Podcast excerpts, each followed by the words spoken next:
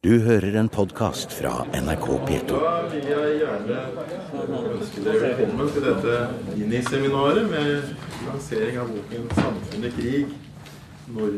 Et samfunn i krig, det høres dramatisk ut. Og det får man vel også si at det var, når vi snakker om tiårene før og etter 1814.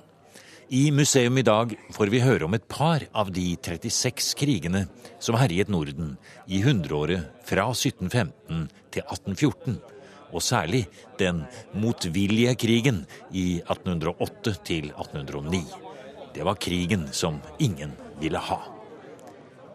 Men først til prosjektleder og historieprofessor Odd Arvid Storsveen ved Universitetet i Oslo, som nylig presenterte bok nummer to i det som tidligere het 1814-prosjektet. Nå heter det 1814-grunnloven historisk virkning og sosial forankring.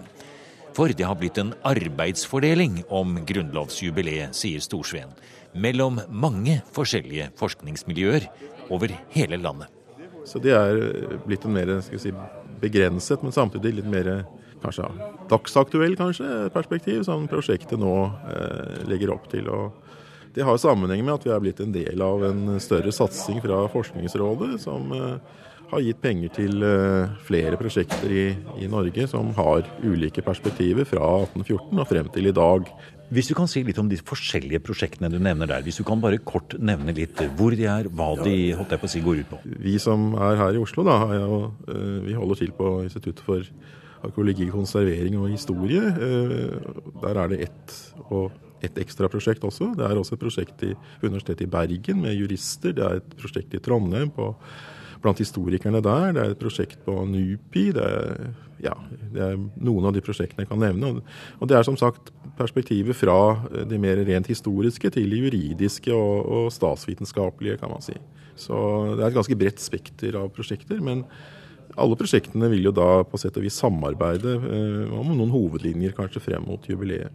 Men er det slik at med hele 1814-komplekset, alt som er knyttet til det, at vi på en måte har kommet inn i At vi har blitt fanget av en slags sånn nasjonal oppfatning av hva som skjedde, og slik at det er vanskelig å trenge gjennom med ny, ny forskning og, og, tanker der?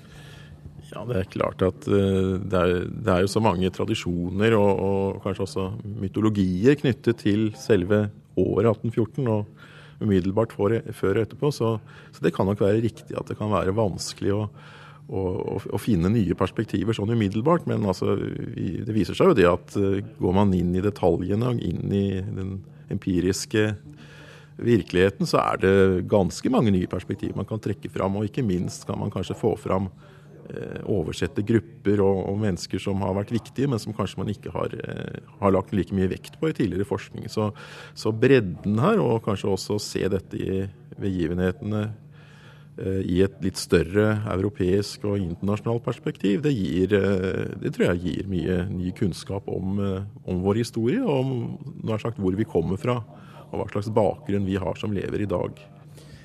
Kommer det til å bli, tror du, noe nytt stort historieverk som kommer til å komme ut av dette, slik som vi så f.eks. i 1905-prosjektet?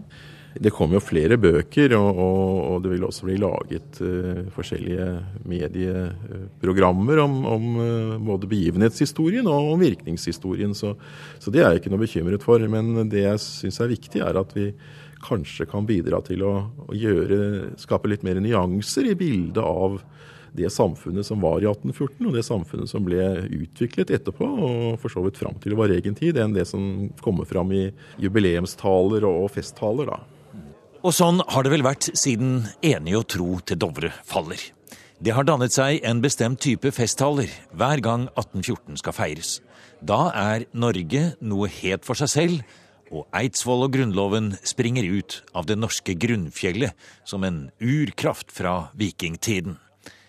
Men sånn er det jo ikke, sier historiker Morten Nordhagen Ottosen.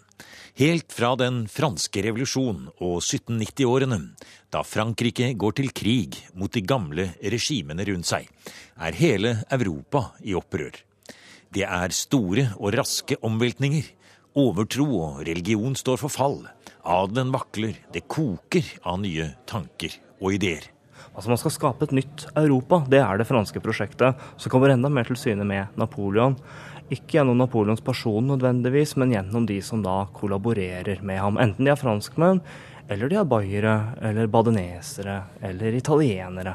Så man har en situasjon i Europa ca. 1800 hvor man står ved døren til noe helt nytt, og hvor man har muligheten til å realisere mye av det nye. Og i så måte så er det ikke tilfeldig at man i, spesielt i noen av de sørtyske statene, Baden, Würtemberg og Bayern, der begynner man å arbeide med konstitusjoner fra 1806. Og det er en tanke om at man skal ramme inn politikken. Man skal eh, ha en maktfordeling. Man skal ha medinnflytelse nedenfra. Man skal ikke lenger ha enevelde. Men man skal også beskytte seg selv. Litt av ideen med konstitusjonene som kommer i Sør-Tyskland f.eks., det er at man skal verne seg mot den franske innflytelsen. Når man har en konstitusjon, ja da sier man at i vårt land, i vårt territorium, i vår stat, så er det grenser for hva man kan gjøre. Både internt, men også av ekstern påvirkning. Og når man ser hele det europeiske lappeteppet av omveltninger og det utenrikspolitiske bildet Norge er en del av omkring år 1800, så blir det også mer spennende og interessant å prøve å forstå hva som ligger bak og former de norske tankene om en selvstendig stat og egen grunnlov, sier Morten Nordhagen Ottosen. Og man tror jeg i Norge har en tendens til å tro at den norske konstitusjonen i 1814, Grunnloven, er veldig unik. Og det eneste man sammenligner med, er gjerne den franske, selvfølgelig, og den amerikanske. Og så glemmer man de små europeiske konstitusjonene som jo kommer i de nevnte sørtyske statene, f.eks. Og konsekvensen av det tror jeg kanskje er at man blir jeg kan jo bruke ordet navlebeskuende i Norge. Og det kan være både lokalt, det kan være regionalt, men det er også nasjonalt. Og dessverre så har man hatt en tendens blant norske historikere til at man ikke tar til seg hva internasjonale forskere har holdt på med. Og man har heller ikke hatt et godt overblikk over hva som har skjedd i Europa, og hva som skjer i Europa nøyaktig samtidig som man sitter på Eidsvoll og lager Grunnloven. Men man har heller ikke klart å formidle ja, for det er, jo, det er, jo, merkelig at når alt dette voldsomt spennende skjer, som du forteller om nå, denne store endringen i Europa, mange stater der som ligner på Norge, de små, de som du nevnte, og hvordan de prøver å skape sin egen konstitusjon osv. I det bildet vi er vant til å tenke på når det gjelder 1814, så ser vi jo ikke det perspektivet i det hele tatt. Og kanskje er det også slik at forskerne der ute i Danmark, Sverige, Tyskland osv. de vet jo nesten ikke hva dere forskere her i Norge driver med heller. For det er jo ikke en stor fagdebatt på et internasjonalt språk som tar opp dette her. Nei, Det har vært en tendens til at man er seg selv nærmest. Det har vært et godt samarbeid mellom nordmenn, dansker og svensker. Men med f.eks. tyske forskere, engelske forskere, amerikanske forskere, som jo er ledende på forskningen omkring revolusjons- og napoleonstiden, så har det vært veldig lite. Og dessverre, da, så de ønsker gjerne å vite om Norge og Skandinavia internasjonalt. Jeg var jo selv i Florida, hvor man har et eget institutt på Napoleon og den franske revolusjonen, hvor man ikke visste noen ting om Skandinavia. Og da de først fikk den korte realhistoriske bakgrunnen med noen perspektiver, hvorpå det da boblet av komparative eksempler, komparative perspektiver. Og hvor man jo ser at det som skjer i Skandinavia, det er dramatisk, men det er ikke unikt. Og der har man et eh, vi kan kalle det forbedringspotensial nå frem mot 2014. Både formidlingsmessig, men også hva man velger å fokusere på når man skal belyse 1814 fra nye vinkler. Og så er det jo alt som skjer etter 1814, i de årene Norge står der riktignok i en personalunion med Sverige, men med en moderne grunnlov som må forsvares og tas i bruk. Da er det Norge som inspirerer andre, ikke minst Danmark, sier Morten Nordhagen Ottosen. Det interessante med Danmark, hvis du ser ikke bare i årene etter 1814, men kanskje gjennom hele 1800-tallet, er jo at Norge blir et forbilde for Danmark. Og Fredrik 6. reiste jo til Wien for å ta del i Wienerkongressen. Og selvfølgelig for å prøve å bevare det lille som var igjen av staten hans. Og da han kom tilbake til København, så ble han jo mottatt som en helt. Store menneskeforsamlinger på gatene, jubel, hatter i været. æresporter. Og så har det blitt tolket sånn i etterkant, og ikke minst også av hvordan Fredrik 6. selv fremstilte den mottakelsen, som at han kom tilbake og ble hyllet som en helt fordi han hadde reddet Danmark fra undergangen i Wien. Men så kan man lure, kanskje danskene trodde at han skulle komme tilbake og gi dem en grunnlov, som han hadde fått i Norge. Og der ser man også det som det danske eneveldet frem til 1848 jo sliter med, og som er litt av grunnen til at Norge skulle glemmes. Tap av Norge skulle bare skyves under teppet, og at man fikk en ganske tung grad av sensur og politisk undertrykkelse, er at man var redd for Norge som et eksempel i Danmark. Og det samme skjer også etter innføringen av parlamentarismen i Norge i 1884 f.eks. Hvor man jo òg, den danske kongemakten, ikke er begeistret for det i det hele tatt. Men desto større er jo begeistringen i danske eh, liberale kretser spesielt, og kanskje til og med radikale eh, kretser. Og i Danmark så har man nå man har skjøvet blikket litt sånn som vi også gjør i 1814-prosjektet ved Universitetet i Oslo, hvor man ser på virkningen av 1814. Og det sentrale sånn sett fra Danmark er jo nettopp hvordan Norge da blir et, et forbilde. Og også hvordan f.eks. den danske grunnloven, da den kom i 1849, den var jo nesten som et, en kopi av det norske. Og Det er jo ikke tilfeldig. Og da er vi på full fart inn i diskusjonen om hvordan 1814-grunnloven har formet det samfunnet som munner ut i vår egen tid. Og det kan vi love å komme tilbake til her i museum i senere programmer. Men la oss nå vende tilbake til tiden før 1814. I boken Samfunn i krig er det særlig krigen i Skandinavia i årene 1808 til 1809 det fokuseres på. En hel rekke historikere, både fra Sverige, Danmark og Norge, gir sine bidrag til å forstå litt bedre hva som skjedde, og ikke minst hvorfor. Noe som ikke er så lett å forstå nå i ettertid. Det er nesten som terrorbalansen og sikkerhetspolitikken under den kalde krigen og helt fram til våre dager, når bildet av stormaktspolitikken på tidlig 1800-tall stiger fram. Det var et mylder av allianser og fredstraktater mellom de fem stormaktene Frankrike, Storbritannia, Østerrike, Russland og Prøysen. Og Danmark-Norge lå på vippen og mottok betaling både fra den ene og den andre for å la være å gripe inn eller for å stille styrker til disposisjon for sin alliansepartner.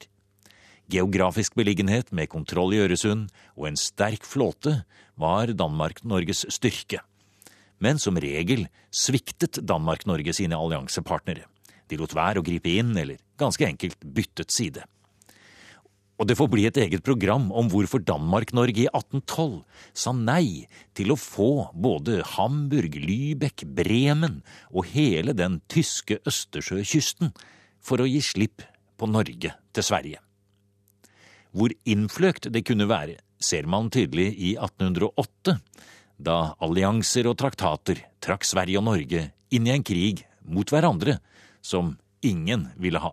Det som er interessant med 1808, eh, eller hele, alle de tre årene 1807, 1808, 1809, med Københavns bombardement, med krigen mellom Danmark, Norge og Sverige i 1808, og ikke minst omveltningen i Sverige i 1809, det er kanskje det tydeligste eksempelet på hvordan man i Skandinavia var helt prisgitt stormaktene. Eh, det sier litt om stormaktenes innflytelse når man i 1808 eh, i Sverige og Danmark-Norge ble tvunget praktisk talt til å krige mot hverandre, selv om ingen av partene ville. Og det er kanskje det man har i, blant skandinaviske historikere ikke helt forstått, fordi man har ikke klart å ta til seg at det i hele tatt er mulig for to stater å gå til krig mot hverandre. Uten at de vil det selv? Uten at de vil det selv. Du har en forunderlig lunkenhet, som man kanskje ville sagt i samtiden, hvor man Heller ikke Fredrik 6., kongen i København, ville krige mot Sverige. Men han tvinges gjennom en allianse med Frankrike og Russland til å angripe Sverige så snart Russland gjør det. Det skjer jo i februar 1808.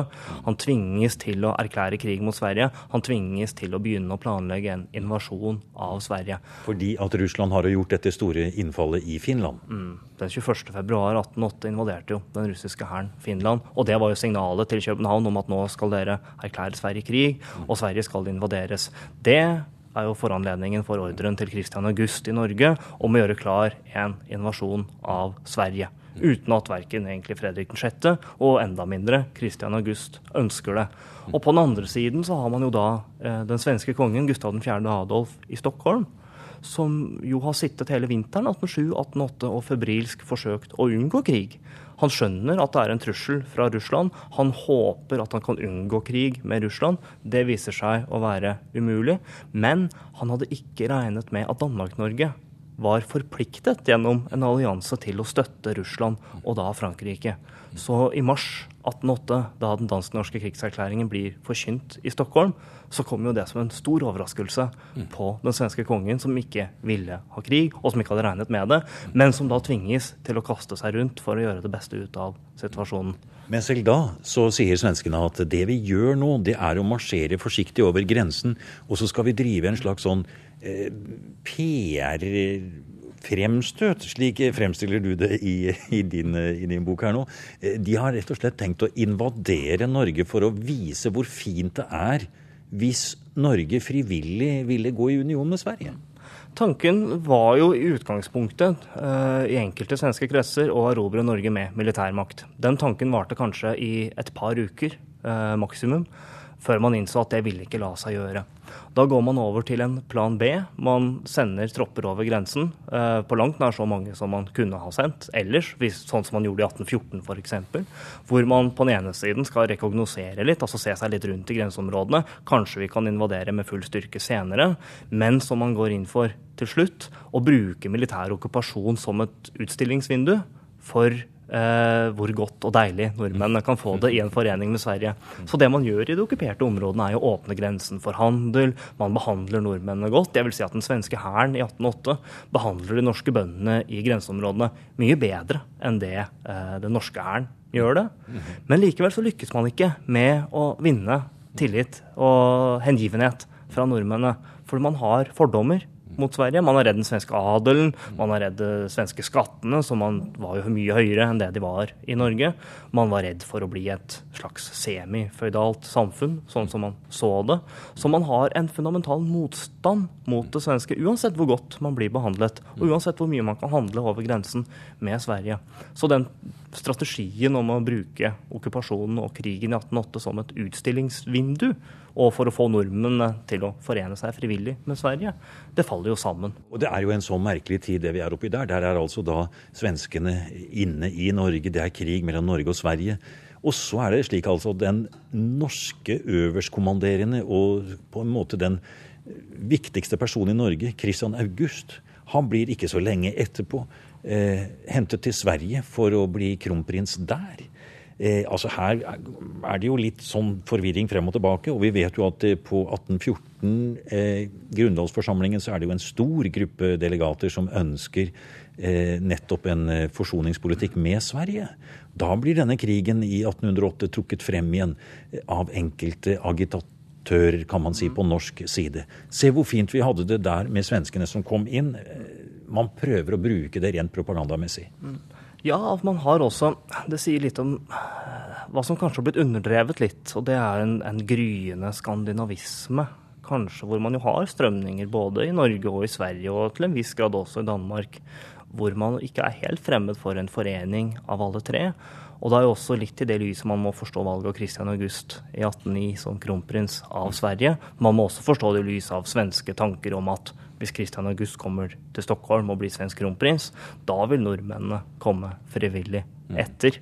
Eh, men samtidig så har man også den, spesielt på svensk side, en misforståelse om at siden nordmennene liker godt å handle med Sverige. Det er gode relasjoner over grensen mellom nordmenn og svensker. Da tenker man automatisk i Sverige at ja, men det må jo bety at nordmennene heller ønsker å være forent med oss enn med Danmark, og spesielt så lenge Danmark er et enevelde. Og derfor regner svenskene seg helt frem til 1814 og har en tilbøyelighet til å tro at nordmennene er mer tilbøyelige til å ønske en forening med Sverige enn det de egentlig var. Og det samme gjelder jo bøndene f.eks. i Østfold, som jo om ikke mottok svenskene med åpne armer i 1814, så gjorde de i hvert fall ikke motstand. Det betyr ikke, tror jeg, at de ønsket en forening med Sverige, men at de var lei krig, primært. Og kanskje da så en forening med Sverige sånn som det var blitt, som et onde man bare måtte svelge. Og at krigen var et onde av dimensjoner for lokalbefolkningen i disse årene, som jo var så utrolig harde fra før, med engelsk blokade, sult og dyrtid og Terje Viken, det skjønner vi når historiker Trond Svandal forteller om hva det førte med seg av byrder for sivilbefolkningen. At nærmere 30 000 soldater ble utskrevet i 1808 så kom det i tillegg disse åra her. Det var borgervæpninger, det var bondevæpninger, det var en kystmilits som blir, som blir, skrevet ut. Så vi begynner kanskje å nærme oss en 40 000 mann som er mer eller mindre innenfor det militære. Og flåten i tillegg. Så det er, en, det er, en, betydelig del av det norske samfunnet som jo faktisk er utkommandert i krigen. Mm. Og ikke bare de militære, men alle de sivile dette berører, ikke minst eh, bøndene. Forklar oss litt hvordan det egentlig foregikk. Ja, dette er, dette er ganske interessant å se på, for det sier jo litt om hvordan samfunnet fungerte. og eh, et rent praktisk eksempel, hvis man skulle få en transport fra si Akershus festning til Kongsvinger, som det var hundrevis av i dette året. Og så må man skrive ut av bønder og Da gis det ordre til eh, fogden, som igjen gir ordre til lensmannen, som da rett og slett reiser rundt og forteller bøndene nå skal dere møte om en uke der og der. På den og den skysstasjonen? Ja, på den og den skysstasjonen. Ja. Eh, dette kunne sendes med budstikke, blant annet. Det ser vi mange eksempler på. Og ja, da skulle bøndene rett og slett møte ved skysstasjonen med hest og vogn. Så fikk man da lastet om bord disse to korntønnene, eller hvor mye det var snakk om. Og så kjørte man da et par mil til neste skystasjon, hvor det da sto et til... Sto noen andre bønder som hadde blitt utkalt? Der sto noen andre bønder fra nabosognet. Og så kunne man altså snu og kjøre tilbake igjen, men så var det kanskje en ny transport, da? Da kom det, og i hvert fall i de mest pressa tidene, så kunne det være en ny transport på gang. Da var det, Man prøvde jo å ikke kalle ut de samme om igjen. Og det blir etter hvert også et ønske om å tilkalle bønder som bor lenger unna skysstasjonene. Mm. Eh, men her er det en enorm treghet i systemet. Og Det er jo veldig rart å se for seg dette ganske fattige samfunnet, for det er jo nesten hungersnød i Norge på denne tiden. Pengevesenet er i totalt uorden. Det er en inflasjons på type ja, Det har vært en devaluering på 90% og det er bare helt kaos. Det er nesten helt umulig å tenke seg hvordan, hvor man tar disse ressursene fra når bøndene da må ut og gjøre skyssstjeneste, de må gjøre alt dette her. Og når de kommer hjem, så skal de jo også da jammen innkvartere de militære. Ja, og det er, det er, da en begynner å se dette store bildet av hvor involvert samf hele samfunnet var i denne krigen. Og Det er klart eneveldet, det dansk-norske eneveldet besatt ganske betydelige maktmidler. Og man hadde en befolkning som var, som var vant til å bli utkalt til skyss og, og, innkvartering. Men i langt mindre grad enn når krigen bryter ut i det omfanget som den gjør. Og det er klart Protestene kommer, det ser vi, ser vi tydelig mange steder. Men det er, eh, det er nesten overraskende hvor, altså hvor, hvordan man klarer å mobilisere mm. samfunnet. Mm. Ja, for når vi nå er i 1808, da, så har du fortalt at det er en hær på 30 000 mann og en mengde andre i tillegg, og hundrevis, kanskje tusenvis av hester. Eh, transporter og alt dette her.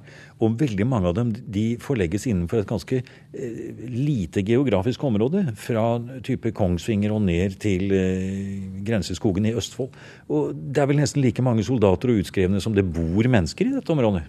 Ja, det er ikke fullt så, så, ille, men det er, hvis vi ser på Smålenes amt, da, dagens Østfold, hvor det var en befolkning på ca. 50 000 som bodde der tidlig på 1800-tallet så har man da gjennom vinteren 1808-1809 forlagt nærmere 10 000 soldater i amtet. Nå var dette her et, et område som var vant til sterk militær tilstedeværelse. Altså to festninger. Og, men dette her er noe, er noe veldig stort. og man, Hæren blir liggende måned etter måned. Det er klart det har vært en enorm byrde for, for disse lokalsamfunnene. Og det blir jo ikke noe særlig greie på denne krigen heller, får vi vel nesten si, på en litt sånn legmannsaktig måte sikkert. For eh, partene går, skal vi si, hver til sitt, uten at noe helt eh, spesielt har eh, skjedd. Det er vel eh, kanskje fælt å si det sånn, men eh, det er vel ikke så langt unna? Nei, dette blir en krig som, som bare ender opp i status quo. Det, den formelle krigen ender ikke før i desember 1809, i freden i Jönköping. Og det er rett og slett bare en avtale som sier at vi vender tilbake til forholdene før krigen. Eh, det er helt åpenbart at det var norske seire. Både ved Prestebakke og ved Trangen. Det var, det var ikke noen store trefninger. Men når vi ser det i litt større lys og ser hva denne krigen i 1808 faktisk var, så, så må vi nok se på disse seirene med litt andre, litt andre øyne. Sett fra norsk side, da, eller skal vi si dansk-norsk side, så var jo egentlig planen at man skulle invadere Sverige. Mm. Christian August skulle rykke mot uh, Venersborg, eller, eller helst Göteborg. Det var Fredrik 6.s uh, eh, ordre til uh, den norske øverstkommanderende. Det gjør jo ikke Christian August. så Sånn sett er jo det norske felttoget, om ikke en fiasko, så følger man jo ikke opp det kongen beordrer. Men isolert sett så var det jo norske seire. Og det var nok fordi altså, den norske hæren opererte på eget territorium. Det var kortere forbindelseslinjer. Man hadde rett og slett oddsene på sin side når krigen ble som den ble. Men man fikk jo aldri noen norsk invasjon av Sverige. Og svenskene førte ikke denne her krigen så hardt. Og i det lyset så bør vi nok se Prestebakke og Trangen. Du har nå hørt programmet Museum som podkast fra NRK. Museum sendes i NRK P2 på lørdager og søndager. Du finner flere programmer på nrk.no podkast.